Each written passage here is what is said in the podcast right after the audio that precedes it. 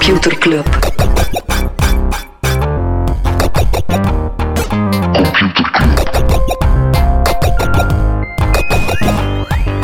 Computer Club. Hey Smolly, Hey Freddy, welkom, welkom terug. welkom bij Computer Club, een wekelijkse podcast over technologie. Iedere week selecteren Frederik en ik één artikel en eh neem ook een interessant feitje met ons mee. En Thomas, aangezien dat we deze week niks recht hebben te zetten of geen grote filosofische vragen om op terug te komen, zoals tinderen blinden, ja, kunnen we er meteen in donderen. Hè? En dat doen we, Thomas. Je hebt met grote interesse de Elon Musk Show gevolgd. Ja, inderdaad. Tesla, de autofabrikant, is de voorbije maand ongeveer 20% gezakt op de beurs. Eh, en is vooral te danken aan een aantal uitspraken en gedrag van Elon Musk. Ik denk dat eh, het lijstje begint steeds langer te worden. Ik denk Ja. dat het allemaal begonnen is. Een, een paar maanden geleden is hij heel agressief geweest tegen investeerders die kritisch waren.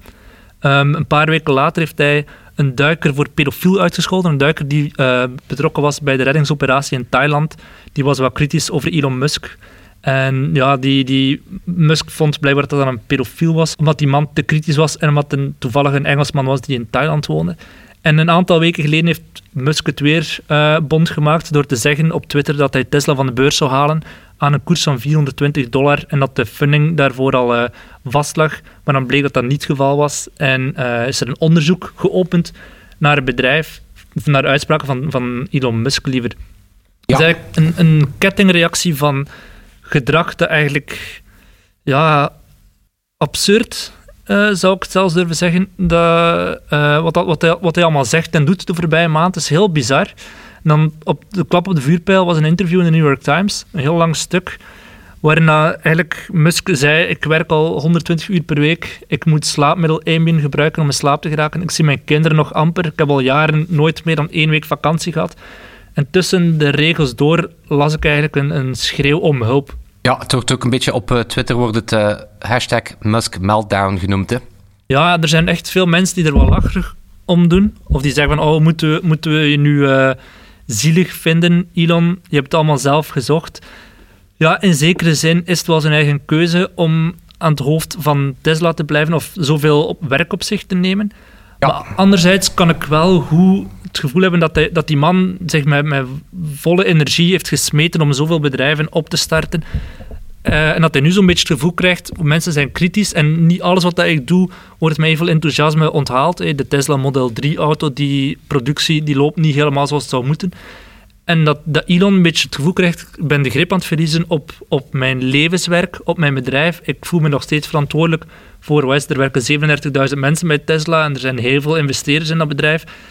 Ik denk dat hij ergens wel zich verplicht voelt om aan te blijven, maar dat hij ook het gevoel krijgt, ik kan het niet meer alleen, maar hoe moet het dan wel? En dat, is, dat is een gevoel waar heel veel CEO's en dan vooral in de techsfeer mee worstelen, denk ik. Ja, maar ik, ik denk dat het ook allemaal begint met... Eh, Oké, Musk, super ambitieuze kerel, neemt ja, op zijn licht gezegd heel veel hooi op zijn vork. Mhm. Eh, maar het was ook voor ons een dankbaar figuur om naar op te kijken. Hè. Het was de man die... Die het voor ons ging redden allemaal. ja, die het voor ons dus- ging redden. Hij had met PayPal Ja. altijd online betalen opgelost. En dan ging hij ook eens eh, elektrische wagens cool gaan maken. Met eh, SpaceX gaat hij de ruimte in. Mhm. Eh, Hyperloop gaat hij een soort supersonische tunnels gaan maken. Dus we keken wel met z'n allen, en, en, en dat geldt voor nog van die, van die tech-oprichters, we keken wel met z'n allen met grote ogen naar bijna Musk als de messias die het...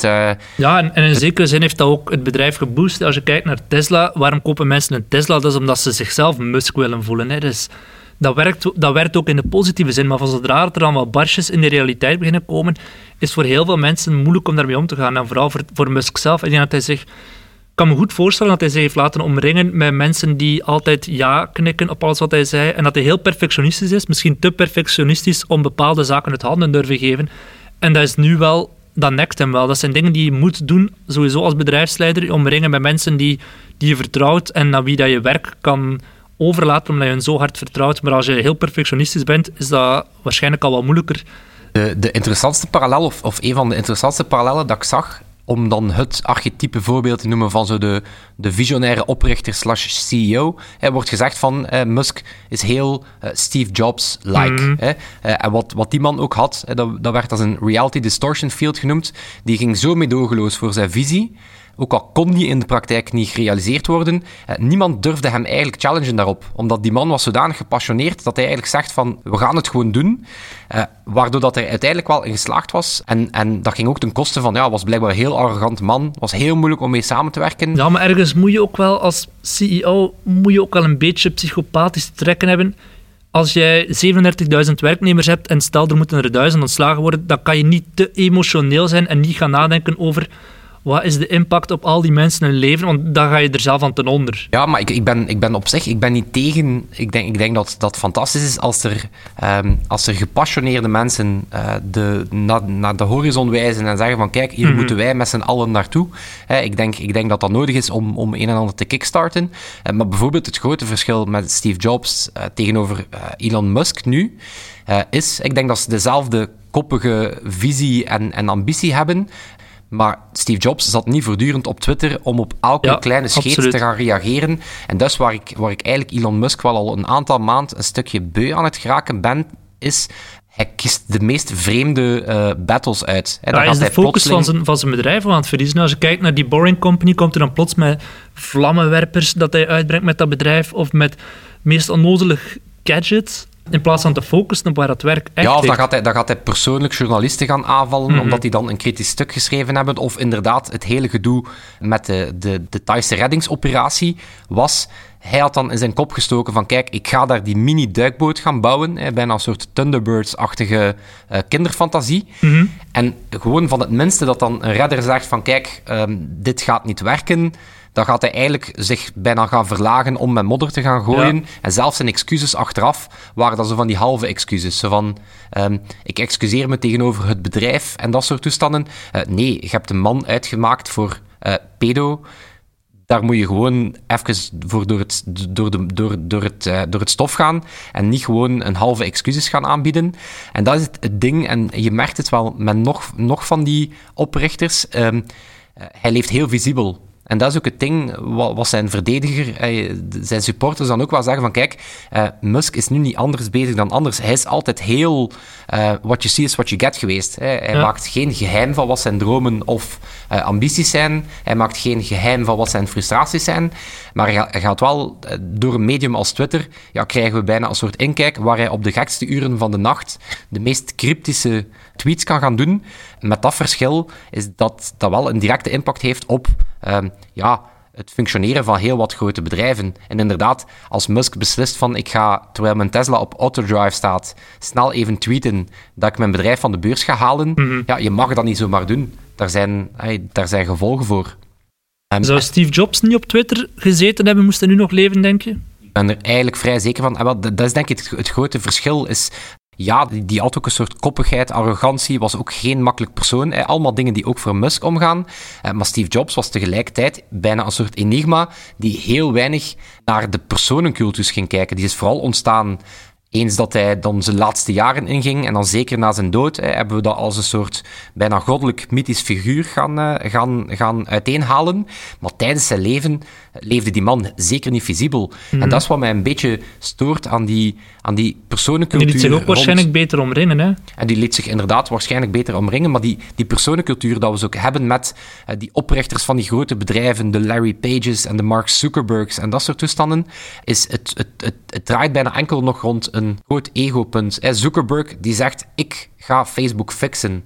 Mm is eigenlijk problematisch als je denkt dat die man spreekt over een bedrijf dat miljarden klanten heeft. Hè, als je het zo ziet, hè, die hebben meer dan 2 miljard actieve maandelijkse gebruikers. Dat kan iemand niet als individu zeggen, ik ga dit fixen. Dat is bijna een soort uh, problematische gewicht dat die mensen op hun schouders nemen.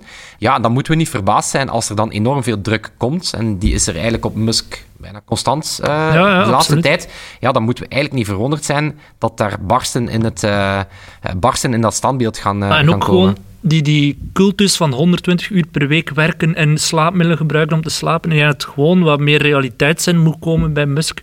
En dat oké is om een keer een week vakantie te nemen. Het moet niet per se allemaal jij zijn, inderdaad, zoals je zegt, die alles probeert te fixen of toch dat imago wil creëren. Ja, of ook uh, het moment dat hij dan zijn vrije tijd, van zijn vrije tijd geniet. Um, hij zou blijkbaar ook, dat is dan het, uh, het, uh, ook een vuurtje dat, dat, dat rondgaat, hij zou blijkbaar ook zitten tweeten hebben op een LSD-trip. Mm. Die man gaat er dan even tussenuit om lekker te trippen. En dan gaat hij Twitter op om uh, opnieuw van die uitspraken te doen waarvan dat je weet dat die de wereldwijde pers gaan halen, terwijl iedereen weet uh, dat je nooit externe communicatielijnen uh, mag hebben, terwijl je dat je LSD doet, gewoon naar een muur of naar een boom zitten kijken en daar dan acht uur mee bezig zijn. maar dus Musk, ja, hij kiest er ook voor om in de spotlights te staan.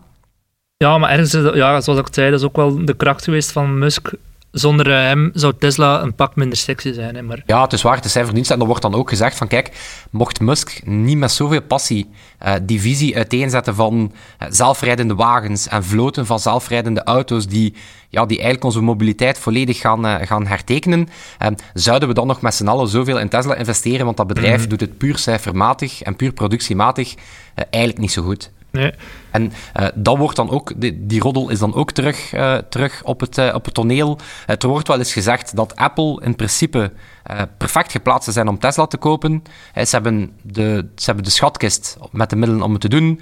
ze breken zelf de tandenstukken op, die auto. Uh, ze vinden daar toch maar niet mm hun grote project. En werd ook al actief gevraagd aan Tim Cook. Hè, tijdens elke investor call uh, moet Tim Cook tot vervelens toe zeggen van nee, we gaan Tesla niet kopen. Ja, maar die roddels zijn dus ook terug, uh, terug van weg geweest. Ja, Oké, ik denk dat we twee dingen kunnen samenvatten. En dus Musk moet zich laten omringen door mensen die wat down to earth zijn en dat hij eindelijk een keer vakantie neemt en uh, alles op een rijtje zet. Ah, voilà. En uh, dus Elon, ga er eens tussenuit, neem wat LSD, zet Twitter even af, luister een beetje naar Computerclub, misschien niet naar deze, maar geniet er, geniet er even van. En misschien ook gewoon eens stoppen met uh, vlammenwerpers op de markt te gaan brengen. Dat vond ik echt zo'n vreemd beeld. Hè. Dus die man vertelt constant van, kijk, we gaan, we gaan naar Mars, we gaan de, de, het mobiliteitsprobleem gaan oplossen. En apropos, hier is een supergevaarlijke vlammenwerper. Dat is een beetje zoals... Nee dat Barack Obama plotseling reclame gaat maken voor speelgoed, uh, zijnde een deodorant en een briquet of zo.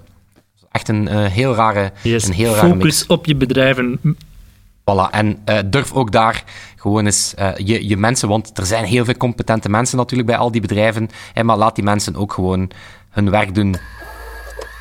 Computerklas. Thomas, ik heb iets voor jou. Cadeautje? een cadeautje, ja. Als, je, als kennis een geschenk is, dan heb ik voor jou een weetje mooiste geschenk dat ik zou kunnen krijgen? Ik heb iets, uh, ik heb iets uh, heel slim geleerd deze week, Thomas.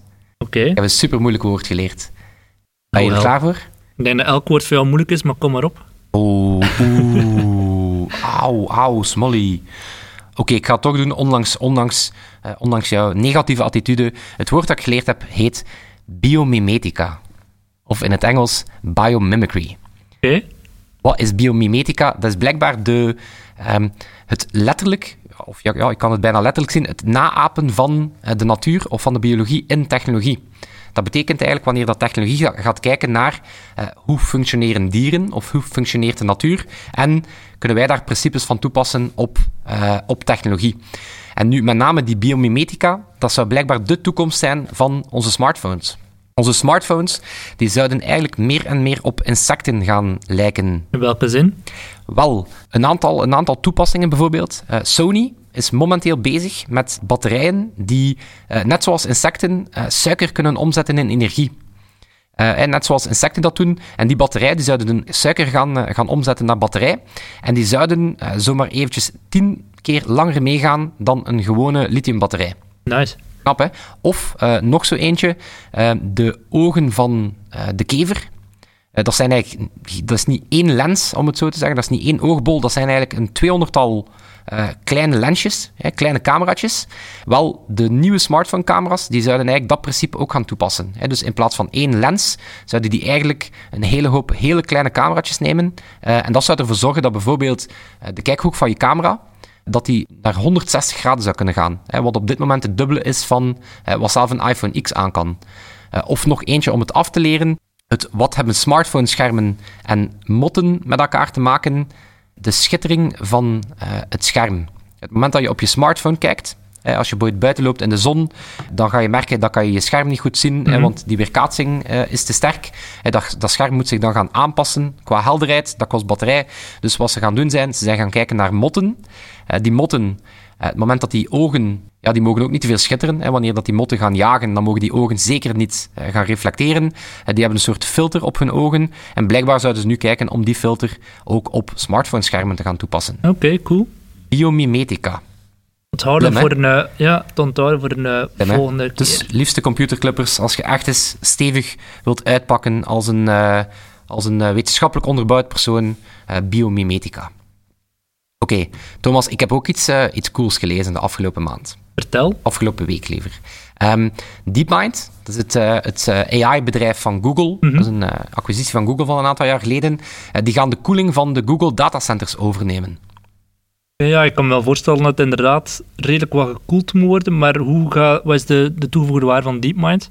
Wel, inderdaad, de, uh, wat, je eerst zei is heel terecht. Het leek me ook een soort ja, detailpunt. Ik vond het vooral interessant. Uh, ik ga zo meteen zeggen waarom dat de artikel er zo uitsprong. Uh, maar effectief, als je eens gaat kijken naar verwachting, zouden die datacenters die gebruiken belachelijk veel energie. Uh, zoveel dat uh, naar schatting binnen uh, een, een, aantal jaar, tegen 2025, zouden datacenters wereldwijd maar liefst goed zijn voor 1 vijfde van de volledige energieconsumptie. Mm -hmm. Dus dat is, dat is gigantisch. en DeepMind zou daarin slagen om 30% energiezuiniger te zijn. Want al die bedrijven, of het nu uh, Amazon, uh, Microsoft, Google, ja, zijn allemaal op zoek naar creatieve oplossingen om uh, die energie lager te krijgen. Ook een leuke bijvoorbeeld, Microsoft, die had als een poging om die datacenters beter te koelen, hebben ze nu een datacenter in een duikboot. Ja, en er zijn er zo verschillende die in, ofwel in een berg of die energie nadien ook gaan gebruiken, die warmte, om heel het dorp mee te verwarmen. Ja, maar, of er zijn er inderdaad heel wat op, op IJsland, zijn er ook heel wat, ja. heel wat datacenters. Ja. Ja, dus uh, ze, gaan die, ze gaan dus die koeling overnemen. Nu, waarom sprong dat artikel voor mij in het oog? Uh, de eerste zin was dat DeepMind has announced that its AI's, dus meervoud, its mm -hmm. AI's have taken control of the cooling systems. Nu, gewoon al dat woordje, have taken control. Dat klinkt zo heel uh, 2001 Space Odyssey. Voilà, dat klinkt inderdaad van, ja, het is begonnen, de war with the robots is on. Um, nu, waarom staat er take, takes control? Je mag dat ook letterlijk nemen het unieke aan die approach is dat er geen mensen meer in de loop zijn. Heel veel AI-systemen die werken vanuit het uh, human-in-the-loop-principe, zijn de die AI, die algoritmes, die gaan in heel veel data gaan kijken. En meer data dat een mens nog aan kan. En dan gaan ze daar een soort advies uitbrengen, een mm aanbeveling. Maar het is steeds een mens die de uiteindelijke beslissing gaat nemen. Mm -hmm. En hier uh, gaat DeepMind, gaan die AI's dus eigenlijk volledig autonoom uh, die datacenters gaan optimaliseren. Uh, die gaan duizenden sensoren, performantie van al die, al die servers gaan meten, om dan eigenlijk minutieus uh, de energie te gaan verdelen over die alle. Um, Klinkt als een prima reden om de hele boel te laten escaleren. Wel, het, het, het klinkt, voor veel mensen klinkt dat heel uh, angstaanjagend. Hè? Het idee dat AI onze wereld gaat besturen en computersystemen gaan belangrijke beslissingen nemen. Maar, hè, dus heel veel mensen huiveren daarvan en zeggen niet met mij. Maar als je in feite kijkt, uh, heel wat van onze alledaagse dingen worden eigenlijk al volledig gestuurd door algoritmes. Of dat nu gaat over navigatie, je nieuwsfeed, de, de simulaties die bepalen of dat je een lening of een verzekering krijgt, de fraude op je kredietkaart, uh, Google Translate. Er zijn eigenlijk massa's voorbeelden van hoe allerhande systemen eigenlijk al uh, heel autonoom uh, dingen voor jou gaan doen. Maar kan het niet ook misgaan in zo'n coolcenter als een AI bepaalt hoe warm en hoe koud en hoe energie-efficiënt moeten we zijn? Wel, het, uh, het mislopen is eigenlijk, er bestaat een, uh, dat, is eigenlijk een soort uh, sport op zichzelf. Er is een, iemand van DeepMind, haar naam ontgaat me nu even. En zij heeft eigenlijk een lijst dat ze aan het bijhouden is, aan, aan bijhouden is van algoritmes die eigenlijk iets te letterlijk of iets te creatief aan de slag gaan met de briefing. Mm. Uh, bijvoorbeeld DeepMind, die had een vergelijkbaar platform gemaakt om een energienet te gaan besturen, een, eh, een, een, een grid te gaan besturen. Nu, wat dat algoritme al vrij snel gezien, ah, de slimste manier om energie te besparen is, ik ga gewoon zorgen dat er blackouts komen.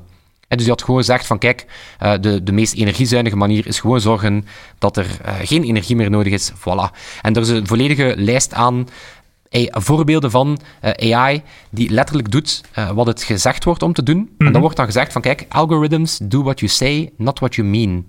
Uh, bijvoorbeeld Een voorbeeldje was, een heel onschuldig voorbeeld, was een robotarm en die moest een bal gaan grijpen. Uh, wat hij geleerd is eigenlijk als hij vanuit een bepaalde camerahoek naar die bal ging, dan leek het op de camera alsof dat hij die bal greep, uh, ook al moest hij in realiteit geen energie verbruiken om dat te doen. Dus die had eigenlijk een soort uh, loophole gevonden. het kan ook een beetje, het kan ook een beetje angstaanjagender, een soort biologische simulatie. Uh, waarbij dat we echt een soort ja, ecosysteem uh, simuleerden. En een van de AI-rassen in dat ecosysteem, die had een uh, dieet uitgevonden dat bestond uit het opeten van zijn eigen kinderen. En misschien het meest onnozele voorbeeld, maar wordt wel eens gebruikt om, om die waarschuwing te doen. Nick Bostrom, dat is een grote AI-denker, is ook voorzitter van het Future of Humankind Institute. Dus ook ook, ook daar geen kleine druk op die man zijn schouders. En die gebruikt het uh, paperclip voorbeeld. Ga je die? Nee, zeg me niet. Wat die gebruikt eigenlijk een, uh, een voorbeeld. Dat is trouwens dezelfde man die in der tijd gezegd heeft van kijk, er is niks uh, dat zegt dat wij niet in een simulatie leven. De simulation argument was een van zijn eerdere theorieën. Van je kan eigenlijk niet bewijzen dat we niet in een heel complexe samenleving, uh, simulatie leven. Nu, die gebruikt het paperclip voorbeeld.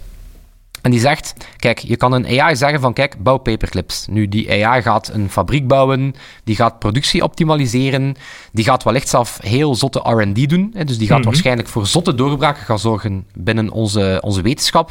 Gewoon om te zorgen dat er meer paperclips gemaakt kunnen worden. Uh, die gaat waarschijnlijk marketing gaan opstarten, maar dan begint het. Hè. Misschien gaat hij in die marketing zien van, ha, als ik mensen manipuleer om te denken dat ze meer paperclips nodig hebben, dan kan ik meer paperclips maken. Of misschien kijkt hij wel naar mensen en zegt hij, wauw, die mensen die bevatten veel atomen. Atomen zijn de perfecte grondstof voor uh, meer paperclips te maken. Ik ga die mensen gewoon vermalen tot paperclips.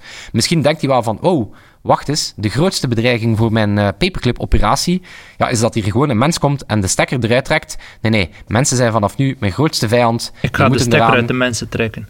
Dat is een voorbeeld. Het is natuurlijk een beetje op de spits getrokken om wat te zeggen van kijk, als je niet heel goed nadenkt over hoe dat je die AI instructies geeft, ja, dan moeten we opletten dat we niet een soort ja, unintended consequences gaan creëren, eh, waarbij dat we eigenlijk een super intelligent programma schrijven, eh, die, die letterlijk de dingen doet waarvan dat we het vragen, eh, maar met heel veel negatieve effecten. Dus ook daar wordt een beetje in de AI-community gezegd van ja, die algoritmes moeten ook veel gaan leren, maar wij moeten zelf ook leren hoe dat we die algoritmes uh, instructies gaan kan geven. Ik heb, ja. uh, als we het over AI hebben, ik heb nog iets interessants gelezen gisteren op uh, Bright, een Nederlandse technologiewebsite. Facebook die wil AI inzetten om MRI-scans sneller te kunnen uitvoeren. Je weet wel, zo'n MRI-scan is zo'n tunnel waar je dan als patiënt in ligt, waarschijnlijk een uur lang, geen idee, ik heb er nooit in moeten liggen. Maar mensen worden er claustrofobisch van. En Facebook, geen idee waarom dat uitgerekend zij dat willen doen, maar die zeggen, kijk, we gaan daar artificial intelligence voor toepassen, zodat dat minder, uh, minder lang duurt, die scans. We gaan gewoon een scan van een seconde of een minuut maken en dan met AI de rest aanvullen op basis van de ruwe informatie. Ja, dat is een perfect, een perfect voorbeeld van hoe dat je eigenlijk ja, in heel alledaagse uh, toepassingen uh, al heel veel van die te technologie ziet. Misschien nog een leuk weetje over uh, DeepMind, omdat we het op dit moment is het Gamescom in Keulen, een van de grootste gamingbeurzen ter wereld. DeepMind, ik denk een aantal jaar geleden gekocht voor, door Google voor amper 400 miljoen pond was toen, uh, was in retrospect echt een badje. DeepMind ken je misschien van AlphaGo, mm -hmm. die, die het moeilijkste spel ter wereld gewonnen hebben van de absolute wereld, uh, wereldkampioen. Um, dat bedrijf DeepMind is eigenlijk gesticht door Demis Hassabis. En wie is Demis Hassabis? Dat is een... Uh, dat is, de, dat is eigenlijk een soort ja, jonge, uh, jonge jong genie. En die man, uh, of die jongen, was op zijn zeventiende was hij de uh, lead programmer van Team Park. Heb je dat ooit gespeeld? Team Park of Black nee, and White? Rollercoaster Tycoon. Ah, Team Park was die andere. Wel, dat was eigenlijk de man die daar de programmatie en de AI voor deed. Dus um, ja, de AI van veel van die games was eigenlijk een voorloper qua, uh, qua technologie op heel veel van de toepassingen die we, die we vandaag zien. Of bijvoorbeeld de, uh, de grafische kaarten waarop dat die berekeningen gaan draaien. Mm -hmm. Ja, dat zijn nog steeds de Nvidia's van de wereld die in der tijd ja, naam en faam maakten met, uh, met grafische kaarten voor gaming. Dus op een bepaalde manier kan je wel zeggen, Thomas, dat gaming ervoor zorgt dat we eigenlijk ooit artificiële superintelligentie gaan bereiken. Yes, ik denk dat het tijd wordt om nog een spelletje te gaan spelen, Freddy. Ja, supergoed. Jullie ook bedankt om te luisteren. Uh, grote dank, zoals altijd, aan onze copain Sebastiaan om uh, onze mixing te doen. En dan zien we jullie, of horen we jullie, of praten we met jullie volgende week. Tot dan. Joe. Computerclub.